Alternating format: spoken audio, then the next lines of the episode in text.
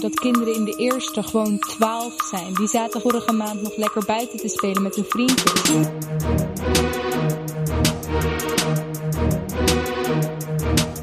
Niemand, en dat klinkt heel erg dom misschien, maar niemand had mij erop voorbereid dat je dat dan ook echt moet gaan doen.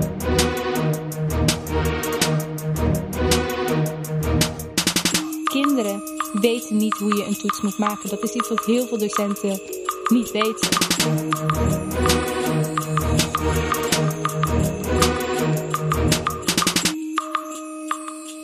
Hey, weet je hoe grappig wij samen zijn? Wij zijn Dat weet ik, ja. samen. Wij Goed. zijn de beste. Oké. Wat hebben jullie Goed. liever?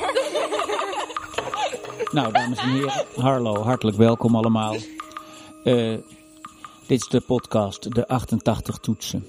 Het is namelijk heel erg vervelend. Eh, tegenwoordig komen de kinderen mijn muziekles binnen en in de eerste klas. En het eerste wat ze vragen is, niet gaan we zingen?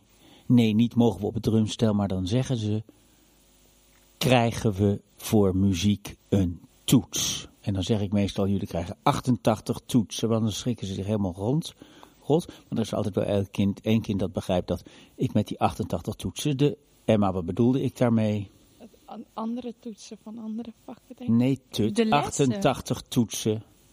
Weet, oh, van een piano. Juist, precies. Ik Hier naast mij tijd. zitten Emma Weideveld en Skylar Evenhoog. Wat is je achternaam? Kijk, ter voert. Te vervoerd. Oké, we een hebben het over de afschaffing van de klassikale toets in de onderbouw van het Montessori Lyceum. Wat iets, wat iets is waarvan ik verschrikkelijk belangrijk vind. in dat- Dat ik denk dat het tot een enorme verbetering van de leerprestaties op het Montessori Lyceum leiden zal. Wat denk jij, Skylar? Wat zijn de voor's en tegens? Eh, de voors zouden zijn voor het afschaffen van de toets dat kinderen ook echt zouden gaan leren omdat ze er geen druk op voelen. En dat ze ook denken van ja, het maakt niet uit als ik even het niet weet. En dat ze ook echt gaan leren om het te weten en niet voor een goed cijfer.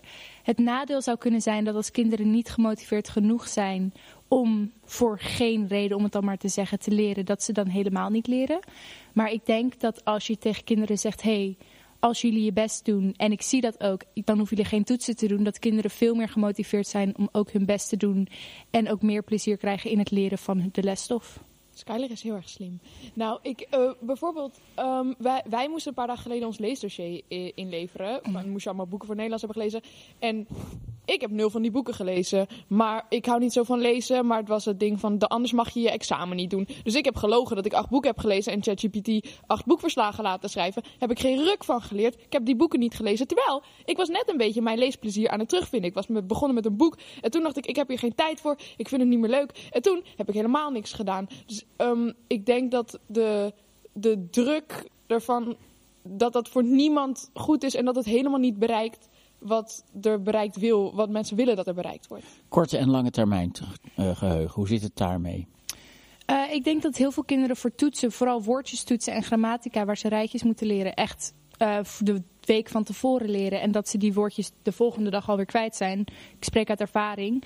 Eh, en als ja, misschien dat als je het blijft herhalen, want heel vaak na een toets wordt het ook gewoon nooit meer besproken, dat het dan ook echt in je lange termijn geheugen blijft. En lijkt me gewoon een veel fijnere manier van, ook van, school, van school geven en krijgen. Ja, maar het grote probleem is dat als je kinderen dus eh vrij laat om het te leren, dan gaan ze helemaal niks doen. Dat is het grote probleem. Dan En- gaan ze niks doen. Ze gaan dus helemaal moet- niks doen. En dan gaan we maar die toets geven, want anders leren ze niks. Maar dat, dat vind ik jammer, want eh, ik vind dat het MLA zich typeert door juist heel erg kijk, te kijken naar het individu. En ik denk ook dat dat belangrijk is in Montessori-onderwijs.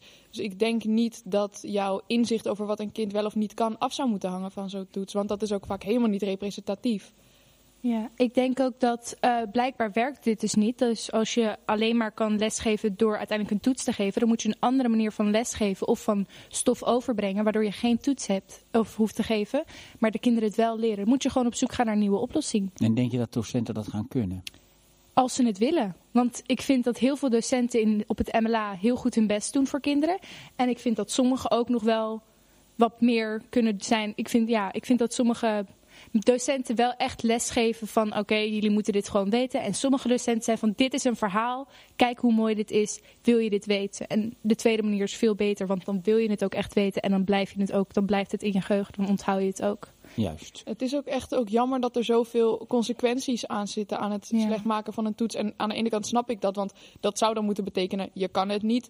Ehm, ik ben eh, afgezakt op een gegeven moment naar, op een gegeven moment naar HAVO en ik vind het nu eigenlijk heel erg jammer. Dan denk ik terug, ja, Latijn is vet leuk. En ik snap wel, ik haalde alleen maar minder voor Latijn. En dan is de conclusie, Emma kan het niet. Maar, eh, en dat snap ik ook. Maar ik denk dat dat heel erg zonde is, want dan... Dat is dus eigenlijk, je hebt het nu niet geleerd, dus je mag het niet meer leren. Ja, Ja. precies. Eh, dan is er nog een ander punt, een heel belangrijk punt wat mij betreft, is dat de toets is eh, gemaakt om een meting te hebben, om een feit te hebben, een hard, hard eh, eh, feit. Dus eh, als ik denk, nou Emma kan het vast wel, dan is dat geen hard feit, dat is een, een hypothese. Maar als ik zeg, kijk maar Emma heeft een 6 min gehaald of een min gehaald voor de toets, dan heb ik een hard feit. Dat kan ik tegenover ouders ook zeggen. Maar het vervelende is dat die toetsen geen hard feit opleveren. Het is bijvoorbeeld vaak zo dat je in de verslagvergadering zit met de docent en dan zegt zo'n zegt zo'n docent.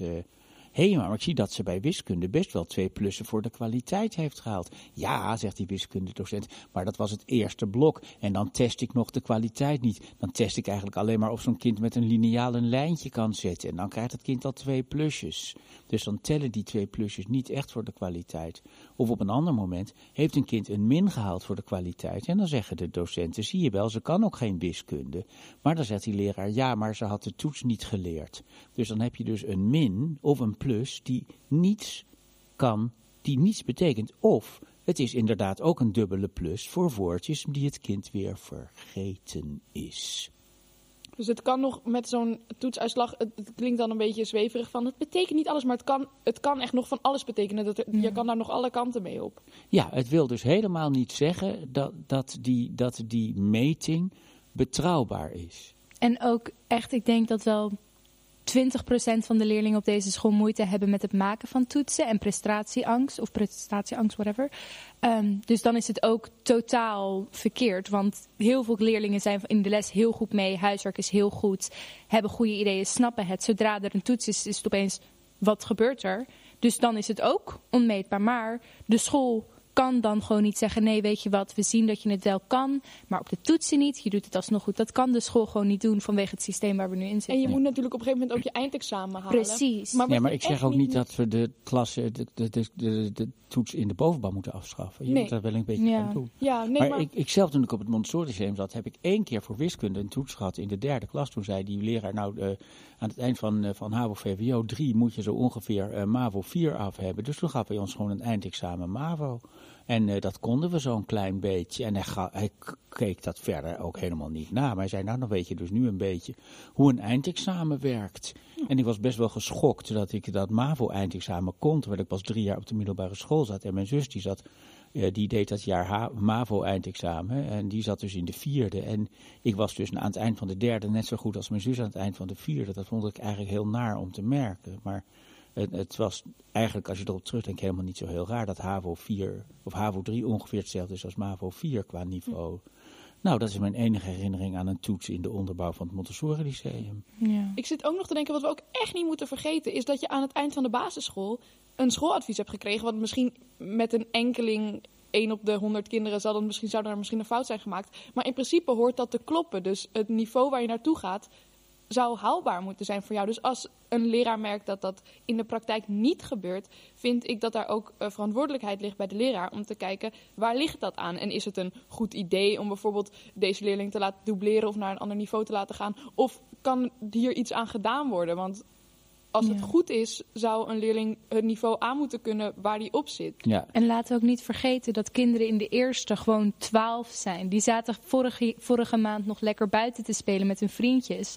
Toen ik hier in de eerste kwam, ik denk iedereen was opeens van, oh zo spannend, zo leuk. En dan is het opeens hier, vijf toetsen in een week. Dat kan je helemaal niet en dat moet ook niet verwacht worden. Dus ik vind of helemaal afschaffen of langzaam opbouwen. Afbouwen bedoel je. Eh, ja, of ja, afbouwen, opbouwen. opbouwen. ja, Oh, opbouwen, langzaam Dat je in de ja. eerste misschien helemaal geen toets hebt. Misschien gezamenlijke toetsen. Dat je bent van, kijk, zo kan je een vraag beantwoorden. Zo formuleer je dat. Zodat het niet zo enorm overweldigend is. En kinderen weten niet hoe je een toets moet maken. Dat is iets wat heel veel docenten niet weten. Ik kan Ja. me ook nog herinneren, de eerste toets die ik moest maken in de eerste. En toen eh, hadden we Grieksles en dat werd dan wel gezegd van... En op, op een gegeven moment gaan we een toets krijgen van het alfabet. En ik dacht, oh leuk, dan ga ik leren. En dan doe ik net als mijn zus, dan ga ik een liedje ervan maken. En dan eh, onthoud ik het. Ehm, maar niemand, en dat klinkt heel erg dom misschien... maar niemand had mij erop voorbereid dat je dat dan ook echt moet gaan doen. Ik, ik, ik snapte helemaal niet, over twee, twee weken daarna was die toets. Weet ik veel... Ehm, en dat is misschien een beetje verwend van, ik snap niet, ik moet een toets maken. Maar dat, je weet gewoon nog helemaal niet hoe dat is. Ja. En ehm, eh, even kijken. Nou, we zijn er dus voor dat we geen toetsen meer doen. Zie ik dat zo goed, klassikaal? Ja. Ja. En dan als we de kinderen zeggen, je mag het zelf doen, gaan ze dan afkijken? Wat mij verstandiger lijkt, Oh, is met niet. de hele klas het samen doen. Of opdrachten geven waarvan je niet echt, wat echt, ehm, wat je niet kan opzoeken, maar waar je echt ehm, het moet ver- ver- veranderen in Ja. je hoofd. Waar je het Een echt, soort ja. PO's, hè? Ja. ja, PO's. ja, maar wat bedoel je met de hele klas samen het doen? Nou, bijvoorbeeld dat de docent zegt: hier, jullie mogen in tweetallen werken en jullie gaan deze vragen maken. Of we doen het met elkaar, dat de docent echt zegt: dit is vraag A. Hoe denken jullie dat de beste manier is om Ja, dit te dit heet, een, eh, dit heet een, een eh, geen summatieve, maar een eh, formatieve toets heet dat, ja.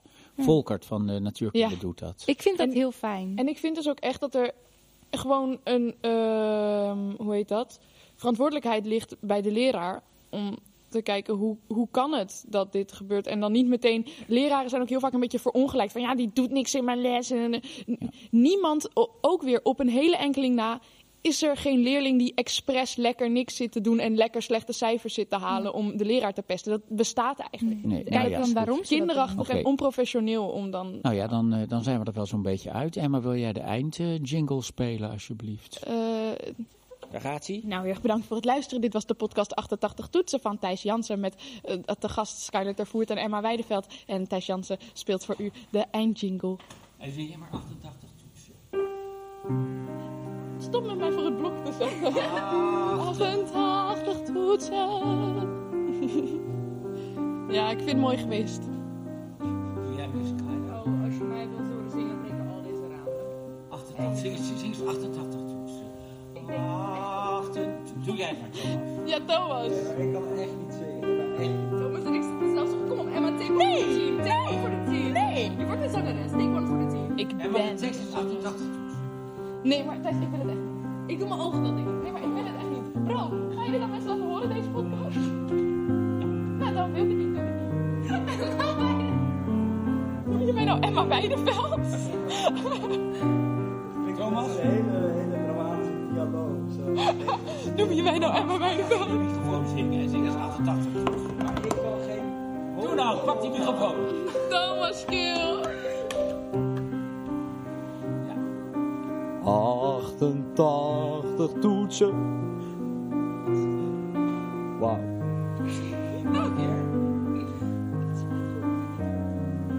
88 toetsen. Maar- Samen standen poetsen.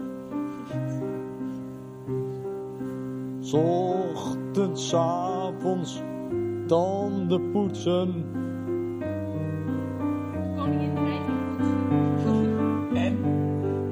Koningin die rijdt in koetsen.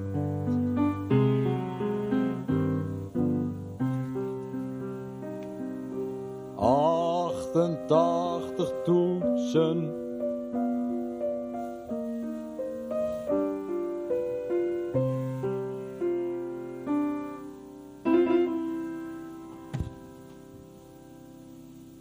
Dank u wel, Thijs Jansen. Thijs Jansen en Thomas Jessie.